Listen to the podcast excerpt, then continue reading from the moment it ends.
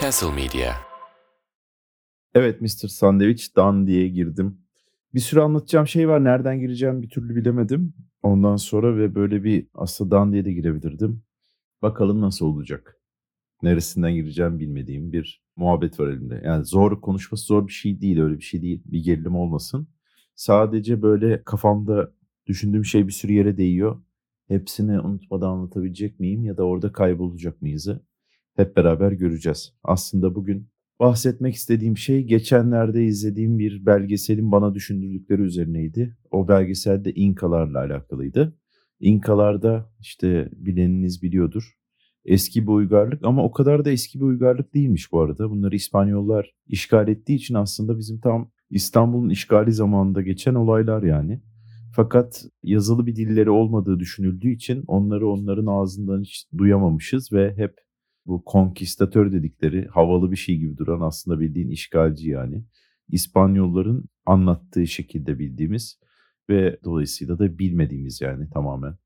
Onları ilk tanıştığında öldüren birileri tarafından dinlediğimiz bir uygarlık. Ama yani nasıl oluyor bu yazılı dil olmazken böyle yapılabiliyor ki diye herkesin kafasını karıştırıyormuş. Aslında buradan bir de bir yazılı dilleri yoktur yerine var ama biz anlamıyoruz çıkabilirmiş mantık yürüterek. Ama çıkmamış. Ta ki işte yakın zamanlara kadar bunların bir meğerse yazılı dili varmış üzerine bir belgesel izledim. O belgeselden sonra o belgeselde konuk olan böyle uzunca bir şeydi bir buçuk saat. Bilim insanlarının kadın erkek onların ayrı ayrı bu konuyla ilgili yaptıkları şeyleri izledim. Ve o bana bir sürü şey düşündürttü. Hem kendi yaşadığım zamanla ilgili hem yaptığım işle ilgili hem de lisanla, yazılı dille, insanın kendini anlatmasıyla ilgili. Bunlardan bahsedecektim. Bir yandan da hem yani ben bahsedeyim işte ya bir yandan danı yok. Sadece şunu söyleyeyim. Geçenlerde e, kardeşimle şeye gidiyoruz. Bir toplantıya gidiyoruz. Ondan sonra kardeşimle öyle toplantıya gidebiliyor olabiliyoruz. İstanbul'a doğru gidiyoruz demek istiyorum. Çünkü kayış daha İstanbul olmadığını artık eminim. Aşağısı İstanbul hala. Biz de İstanbul'a toplu taşıma, güzide toplu taşıma yöntemleriyle. Mesela bizim buraya e, metro geldi ama bizim buraya metro geldi şöyle oluyor. En yakını 23 dakika yürüyerek daha çok tercih edilen 35 dakikada anlattım. İsmi bizim mahalleyle aynı olan kayış da anasınınkinde yani. Orada inince böyle gerçekten aa, Satürn'ün halkalarını görebiliyorsun gibi bir yer. Olacak iş değil. Ama bir toplu taşıması var işte 19'un ilk durağı ona bindim mi bilmem ne ve hep bir saatten aşağı sürmeyen bir şey. Artı toplu taşıma artık İstanbul'da çok ucuz da değil özellikle benim yaşımdaysanız herhangi bir size indirim yapılmasını gerektirecek bir durum yoksa. Ve böyle tabii ki gideceğimiz yere kapaktan geç kalarak ben ilginç bir şekilde biraz geç kalktım. Allah'tan Ozan kahvaltı hazırlamıştı.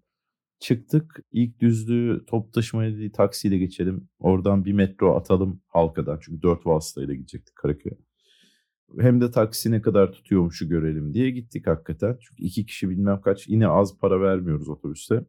Ve Kozyatağı metroya aşağıya indik. Ben genelde merdivenden iner inmez ilk soldan girip metroya o beklenilen alana ulaşmayı sevmiyorum.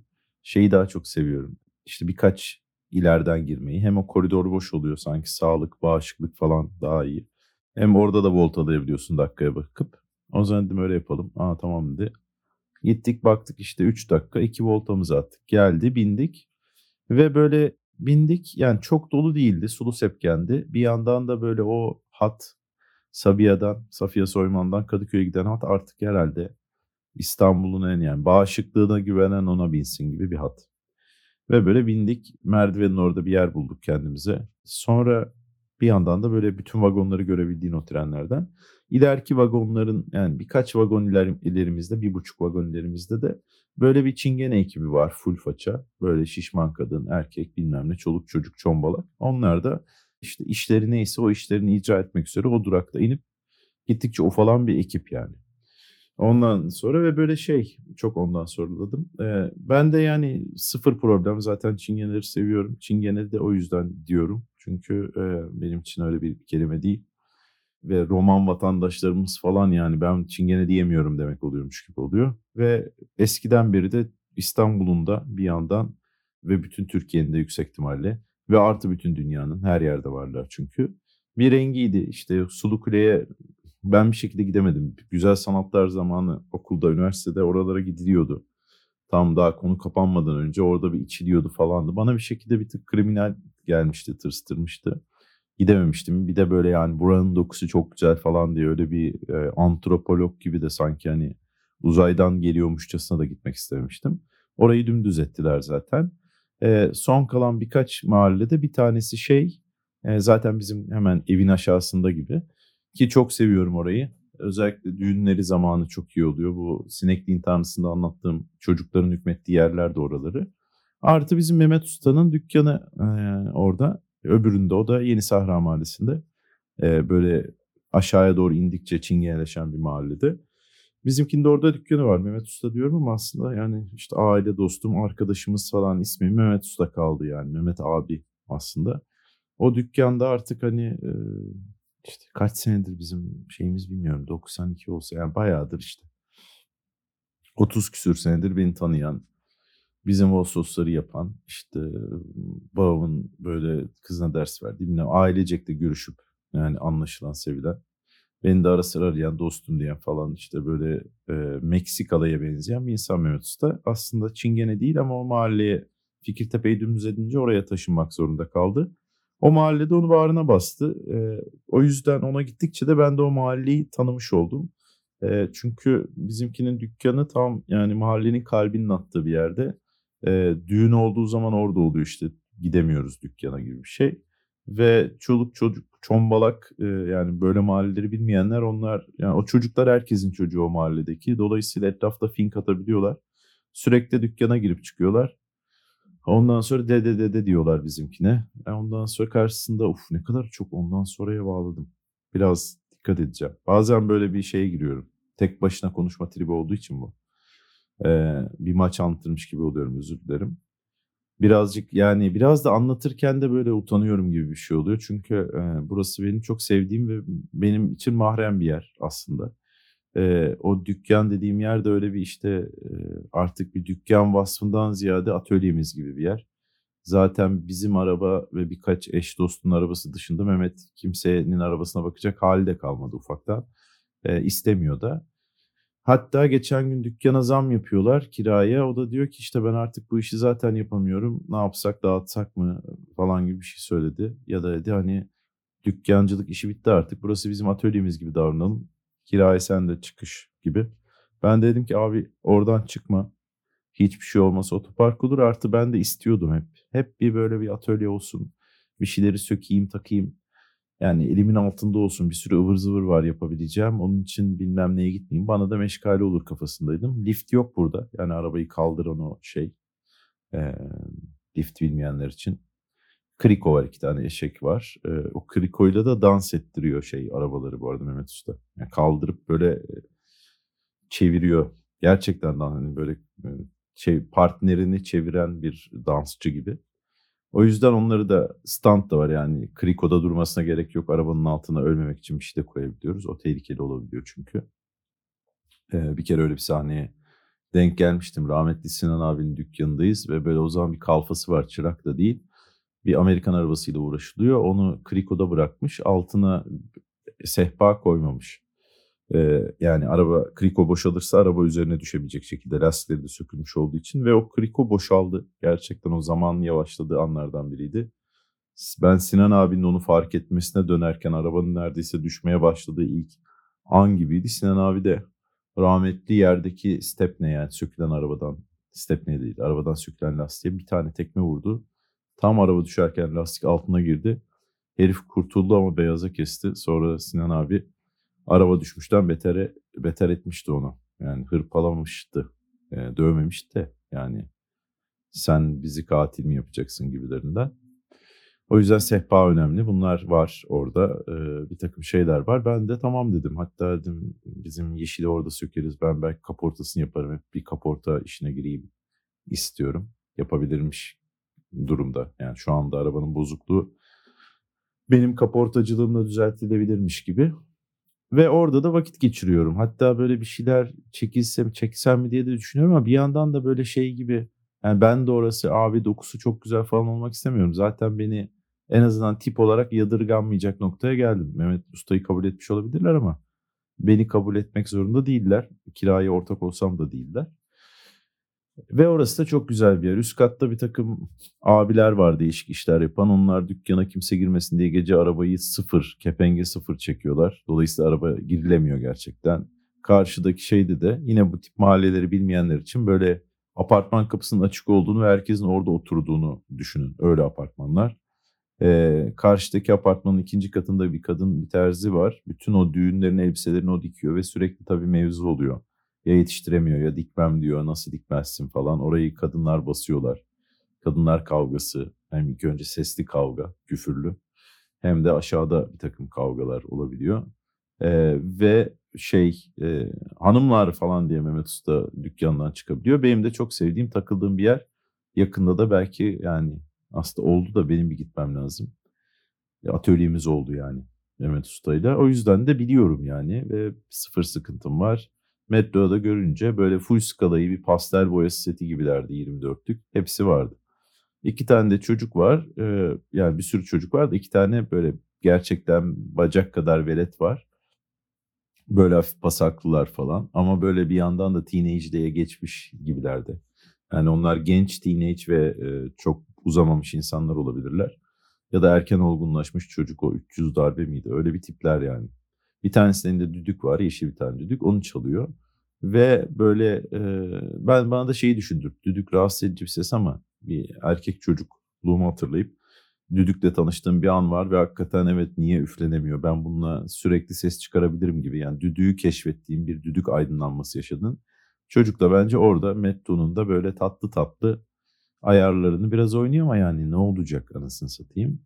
En sonunda son durağa gelirken ha bu arada biz e, kardeşimle Ömer hemen kapının oradaki borunun orada bir genç bir grup girdi içeri. Gencolar Göztepe'den Falanzini Üniversitesi'nden geldi herhalde orada havalı bir bina var. E5'in orada.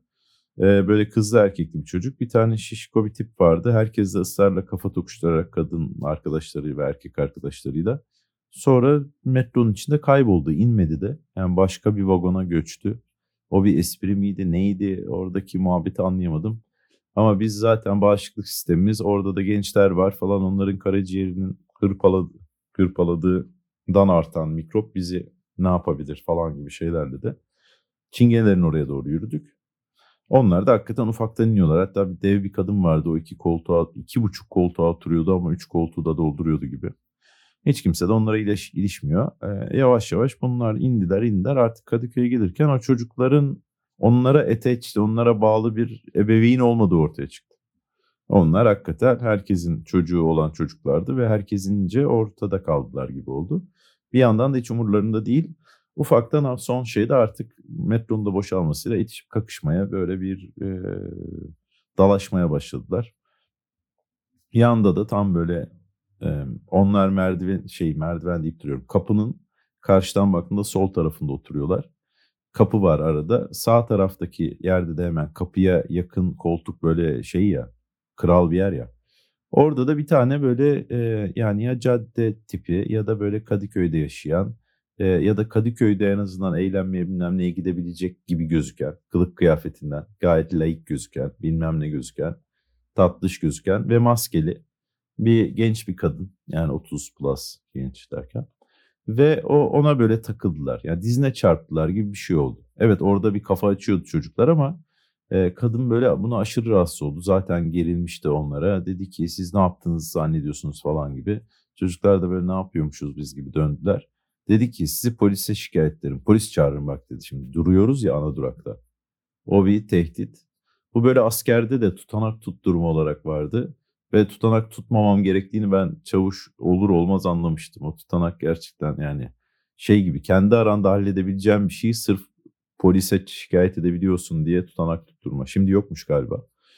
Ama cool değildi yani. Artı bu çocuklara niye yani bacak kadar çocuğa insan niye polis çağırır ya? Yani evladım biraz yavaş diyebilir. Gençler siz de azıttınız diyebilir. Gerçekten hiçbir kozu yok mu o kadının onlarla iletişim kurmak için ve polis çağırıyor? Ee, polis çağırırım deyince çocuklar da dediler ki padişahını çağır. Şimdi öyle bir şey oldu ki o kadın yani ben şey olduğunu zannetmiyorum. Padişahın tarafında olduğunu zannetmiyorum. O yüzden yani bırak polisi padişahını çağır. Senin bir padişahın var ya falan ya. Çocuklar böyle o gelen polis çağırırıma o çocuk onu söyleyen. Yani havada Zlatan İbrahimovic golü gibi bir şey izledim. Yani shorts'ta sürekli vururum. Gerçekten dış voleyle 90'a taktı. Kadın çıldırdı. Bu sefer çocuklar da biraz azıtmaya yani devam ediyorlardı. Ee, başkaları da gerildi çocuklara. Ee, işte siz ama siz de öyle yapmayın falan gibi. Ben tabii çocuklara hasta oldum. Kadına da ayar oldum. Gidip aslında ya hakikaten mi ya polis çağıracak mısın gerçekten falan oldum yani. Ee, ama tabii ki devam ettim. Çünkü tam kapı açılmıştı ve biz e, zaten ilk iki vesayetimizi bir vesayete düşürüp o metrodan hemen vapura yetiş gibi bir e, daldan dala bir şeyimiz olduğu için. Bu arada bu daldan dala bütün e, çabamıza rağmen gidiş dönüş 3 saat 15 dakika sürdü. Bu zaten neden buranın e, bir niye olmadığını da kanıtı. Bunu en son turneye gittiğimde de şeyde de çok yaşadım yani. Ona da çünkü karşıma gittik. Orada da çok konuştuk. Şey, e, yani İstanbul başka bir ülke kesinlikle. İstanbul dışındaki her yer, Türkiye'nin her yeri de Türkçe konuşulan güzel Türkiye'miz. Ama İstanbul ne yaşamıyla, ne raconuyla, ne anlatılanla, ne hissedilenle, yani dışarıdan yansıyanla, içeride yaşananın çok açık ara, saçma bir şekilde kopuk olduğu ve o dışarıdan gözüken şey için sürekli birilerinin gelip o birilerinin ya tükürüldüğü ya hakikaten aslında gerçeği anladı ve devam ettiği bir yer. Devri daimin sebebi bir e, pompa gibi yani. Devri daim pompası gibi motordaki suyu çeviren pompa gibi. O su da e, yani alıp kirletip ya da döndürüp ısıtıp soğutup neyse yaptığı gönderdiği de insanlar oluyor aslında.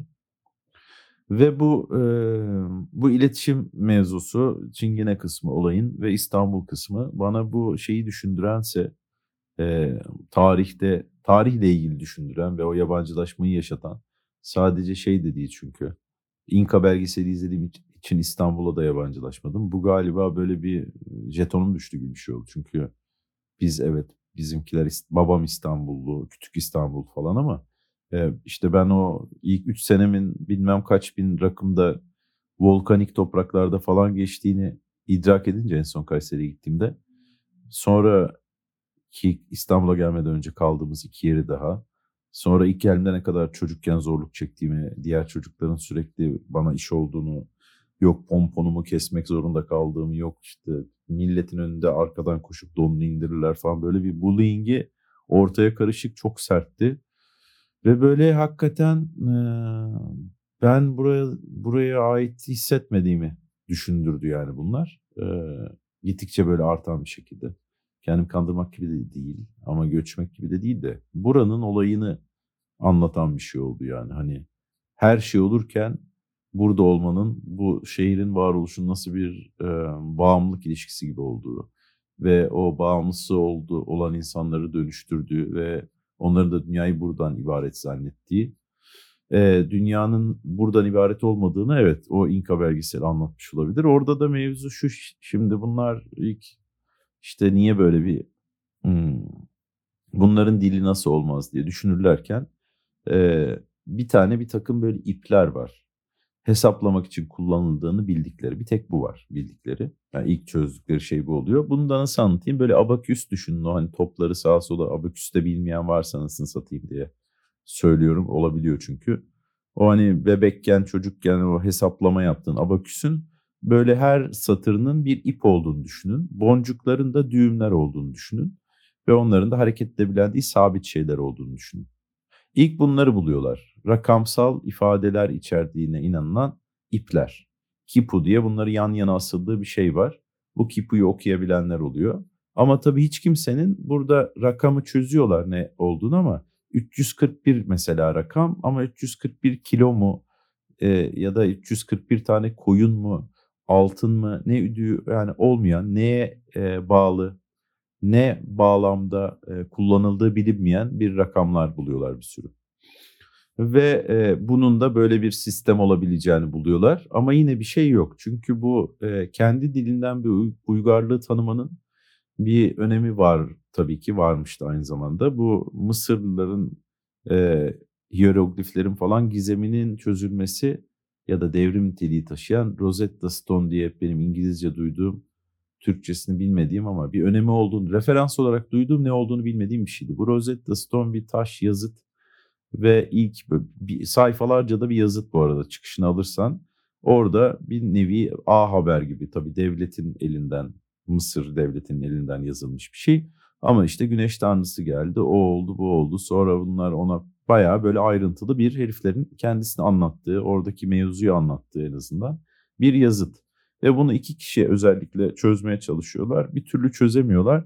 En sonunda biri buluyor. Bunu da işte ayaküstü o belgeseldeki bu kipu dediğimiz işte rakamların olduğunu anladıkları ipler e, iplerin çözülmesiyle ilgili konuşurken bir hanımefendi anlatıyor. Bu arada bu ipler böyle gidip arkeoloji müzesinde falan ilgi e, bakılmıyor. Çünkü şöyle bir şey olmuş tabii yani İspanyollar dümdüz etmiş her şeyi falan ama o insanlar hala İnkalar yani. Tipleri de İnka.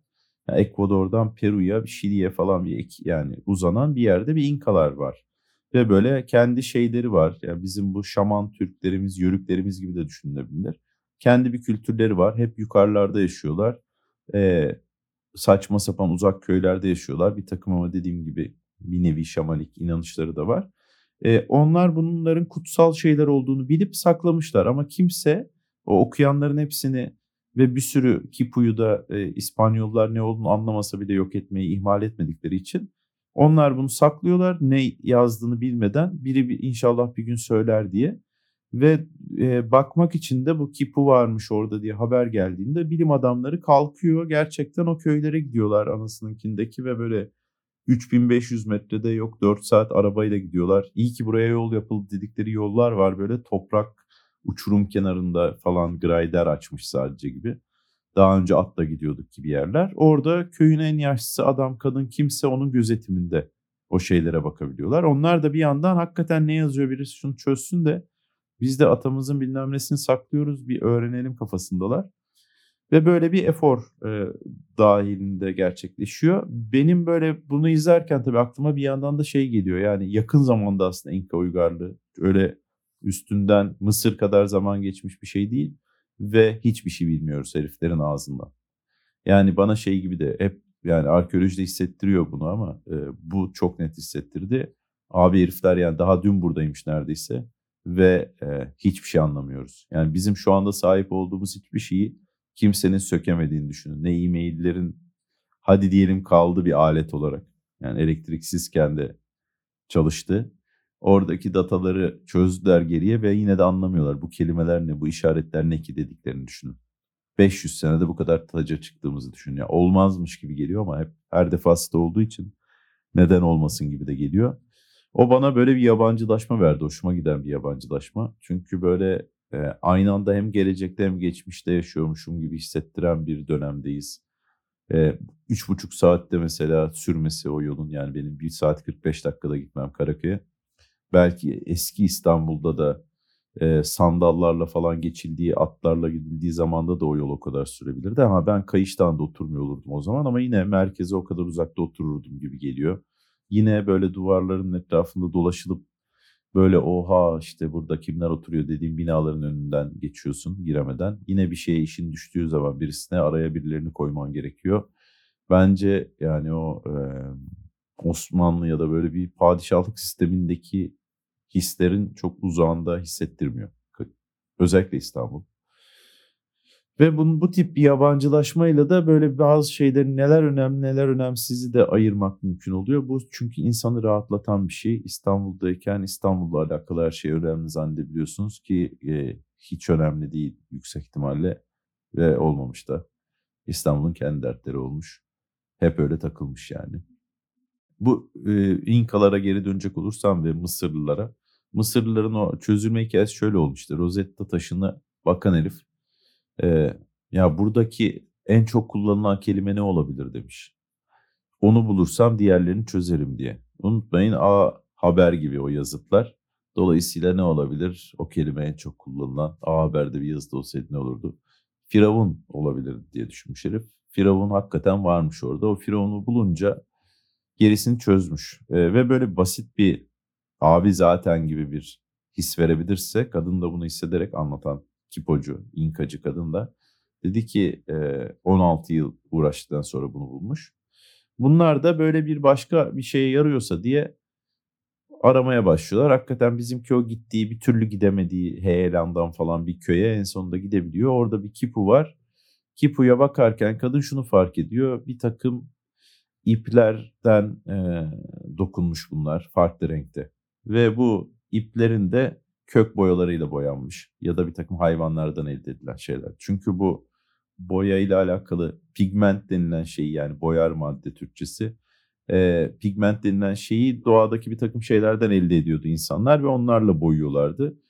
E, bu da etraflarındaki işte ne varsa kayanın, hayvanın, sidiğinin bilmem nenin yaprağının renklerini yansıttığı için aslında bir nevi böyle bir hmm, mikrobiyal diyeceğim yani senin yoğurt yaparken oradaki mikroplara ihtiyacın var ya sanat yaparken de aslında oradaki renkleri kullandığında otomatikman bir bütünsellik oluyor. Bu benim böyle kilimlerde falan çok hoşuma giden bir şey. Biz çünkü bir ara işte Develi'den sonra e, Mumcular'da oturduk. Mumcular'da şimdi Karaova diyorlar galiba. O zaman bir askeri havalanı var. O zaman yoktu da işte. Orada da bu kilimler çok e, yani kilim oranın olayı. Ve böyle kilim şöyle de bir şey aslında eskiden yapıp satmadan önce hakikaten kadınlar dokuyorlar ve kendi hayatlarını anlattıkları o kenar yolunda işte bahçede olan şeylerin olduğu, içindeki desenlerde bir nevi kendi hayatlarını anlattıkları sanat ürünleri ve kendi boyalarını da oluşturarak yaptıkları ya atadan öğrendikleri ya kendi icat ettikleri ve bu yani o insanın yapan insanın bütün hayal gücünü, e, el becerisini ve belki de doğadan elde edebildiği renkleri bunu hem bir beceri ya da kabiliyet ya da bir teknik gibi düşünmeyin. Aynı zamanda hayatın size verdiklerini dönüştürücü güç olarak düşünün. Kadınlarda da yüksek olabilecek bir şey. Ee, ve bununla bir, o da onun çeyizi bir yandan anladın mı? Yani daha bu bence bayağı etkileyici bir şey. O kök boyaları da e, şunu hatırlıyorum. Mesela bir tane teyze vardı yaşlı. Onun kırmızısı gibi kimse kırmızı yapamıyordu. Onun nasıl kırmızı yaptığını da bilmiyorlardı. Ona ait bir sırdı ve belki onunla da yok olabilecek bir renkti. E, bu e, kilim muhabbeti hep benim bu manada ilgimi çeker. Şeyden dolayı da ilgimi çeker. Mesela anne tarafında da böyle bir tane çok güzel bir yolluk var annemin türlü yani kendi de kullanmadığı ama çok güzel modern de duran. Ben de hep onu e, ne güzel bu ya falan diye biraz çökmeye çalışıp o da böyle şeyi anlattı. Meğerse abi bu e, bunların tabii giydiği kazaklar falan beş kardeşler bir noktada yalan oluyor ya da ufalıyor bir şey oluyor. Yani onlar söküle de biliyor. Çünkü eğer gün öğren falan insanlar varsa ya da onunla ilgilen onun da ipten başlayan bir süreç olarak düşün. İşte koyun yapağı işte e, onu çektin bilmem ne yaptın e, ip oldu. E, o iple yani yünlü iple işte kazak ördün ee, onu da kök boyasıyla boyadın kendi yaptın falan manyakça bir şey zaten. Bunları işi bitince söküyorlarmış. Söküp başka şeyler yapıyorlarmış. Yani geri dönüşüm ya da upcycle gibi bir takım bana çok geri zekalıca geliyordu upcycle. Ama yani hani e, sadece bir sarf malzeme olarak değil yeniden e, belki yani işlenmiş malzemenin yeniden e, başka bir şey dönüştürülmesi olarak e, anlatılabilir. Manyakça bir şey yani sıfır atık ötesi de bir şey. Ve aynı zamanda bizimki de o yolluğa baktığında işte e, ablamın hırkası bilmem kimin battaniyesi gibi orada çocukluk fotoğrafı gibi de bir şey görüyor. Bir data ve renk gibi. Yani gördüğü şey eskiden modem yüklerken oluşan grafiklere benzeyen renkli bir şey. Anladığı şey bambaşka. Onun onda belki çağrıştığı o hırkanın olduğu bütün resimler. E, bu da çok etkileyici bir şey ve bu da benim kök boyalarıyla ilgili bildiğim o yüzden de kadın ipliği anlatırken de daha can kulağıyla dinleme sebep olan bir şey. Kadın iplikleri anlatırken işte bu mavi boya şu keçiden falan zinyo renk bundan diye anlatırken şunu keşfediyor. Diyor ki aslında bu işte o mavi boyanın elde edildiği hayvan kimse lama olsun o la hecesi gibi. Çok gerizekalıca anlattım ama onların bir takım heceler olduğunu, o hecelerin birleşince de oradaki ailelerden birkaçının ismi olduğunu fark ediyor.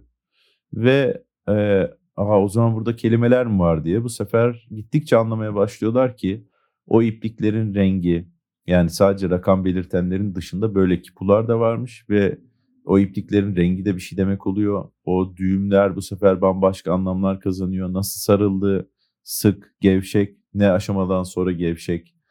Ondan sonra e, yapıldığı malzeme hepsinin anlamları varmış. Bunu çözmeye çalışıyorlar. Henüz o Rosetta taşındaki gibi e, bir tane bir şey bulup hepsini anlayamamışlar. E, o İspanyolların da işe yaradığı bir şey olmuş. Çünkü bir tanesi o rakamsal olarak tutulan Kipu'nun e, kendisi de e, yani orada anlatılan şey neyse bu kendisi de onu not almış. Yapılan şey neyse bir iki pusunu çıkarmış. Bu da işte normal batılı olarak yazmış. O yüzden onu karşılaştırarak bir takım şeyleri daha anlamışlar. Hala o e, kırılma bunu çözmemiz sağlayacak şey yaşanmamış. Yaşanmamış ama bu iplerin böyle bir aslında manyakça bir dil olduğu, üç boyutlu bir anlatım olduğu, e, görmeden sadece dokunarak da orada ne yazdığını anladığın, yani hani körlere de hitap ettiği bir nevi Braille alfabesi gibi olduğu. Bir yandan o kadar mantıklı ki yani orası dağ, bayır, çık, in, taş taşınacak bir yer değil tablet olarak. Kil mil ona yazsan o da kırılabilir, düşebilir.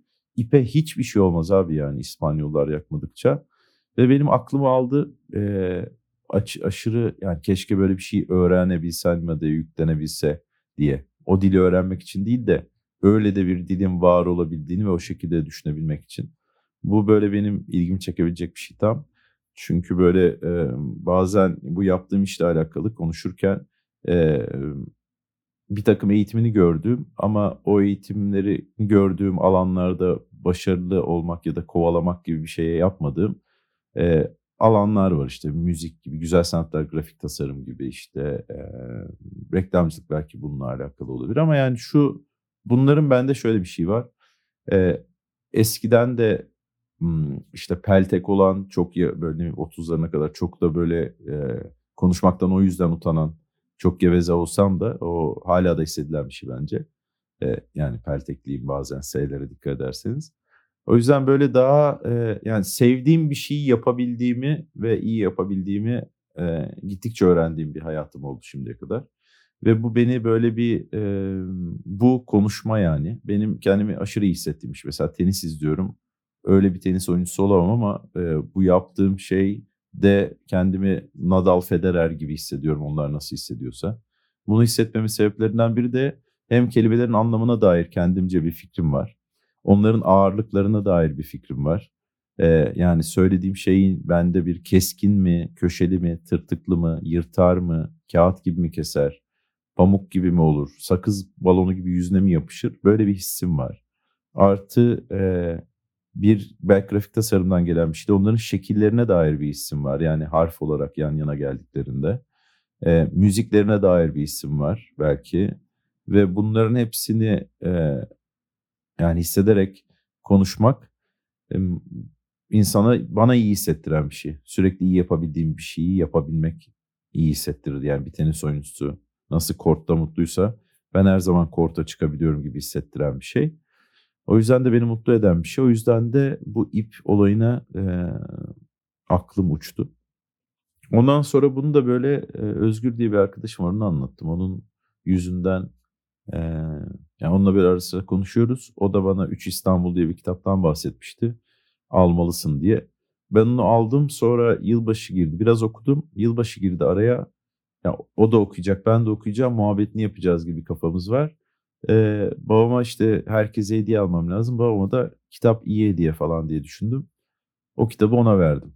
Ee, o da böyle adamın genelde babam şeydir yani birini kim yani işte o GBT solcu GBT'si yapabilen adamlardandır. O yüzden de o adam ha şöyleydi sonra döndü böyle oldu bunu savunurken şöyle yaptı diye bana direkt adamla ilgili hadi ya öyle mi dedirten biraz kafa düşürebilecek şeyler e, anlattı. Ben dedim ki ya işte bir oku bir bakalım falan.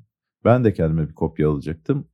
Neyse alacağım ya da babamınkine çökeceğim. Özgür bitirdi kitabı. E, o bambaşka şeyler anlatıyor. Babam okudukça bu sefer kitaptaki mevzuya ilgisi şey e, yükseldi. O da belki ilk adamla ilgili anlattıklarını unuttu. Onun da bitirmesini bekliyorum. Fakat böyle bir e, spoiler olmayacak bir takım eleştirileri de vardı Özgür'ün ve e, aslında kitabın yani kitapta bizim ilgimiz çekenin kitabın anlattığı şey olmadığını arkada gördüğümüz şey yani başrol oyuncuların arkasında gördüğümüz e, oradan sızan şeyler olduğunu e, biraz hissettik ve o sırada İstanbul'un yani bahsedilen zamanlarında Eee, bir yandan da en tatavalı şeyler oluyor. Meşrutiyet ilan ediliyor falan oluyor filan oluyor. Yani böyle tam işte Osmanlı'nın sonu kapan kapatıyoruz'u öbürünün açıyoruz'unun olduğu zamanlar ve bunların böyle çok, eee, değilmeden geçildiğinden bahsediyordu. O noktada Masumiyet Müzesi'ne ne de öyle bir eleştirimiz vardı bizim. Orada da sokağa çıkma yasakları var. Neden olduğu belli değil gibi bir çok böyle bir ondan arta kalan şeyi anlattığı bir şeydi. Ben de bir yandan burada böyle, eee, gündelik hikâyeler bunlar. O kisvede anlatıyorum sonuçta sürekli o hatta ondan kaçarak anlatıyorum ama, eee, biz bunun İstanbul'la daha doğrusu ben bunun İstanbul'la alakalı bir şey olduğuna karar verdim. Eee, hakikaten o insanların da İstanbul'dan bahseder bahsedince ister istemez bu, eee, önemseme ve et onun dışındakini görememe, gözü kamaşmayla bahsedişinden. Eee, kendim de bu yolu yaparken, ımm, tekrar o kitap aklıma geldi. Okuyunca belki biraz daha bahsederim. Bir okuyayım da şunu.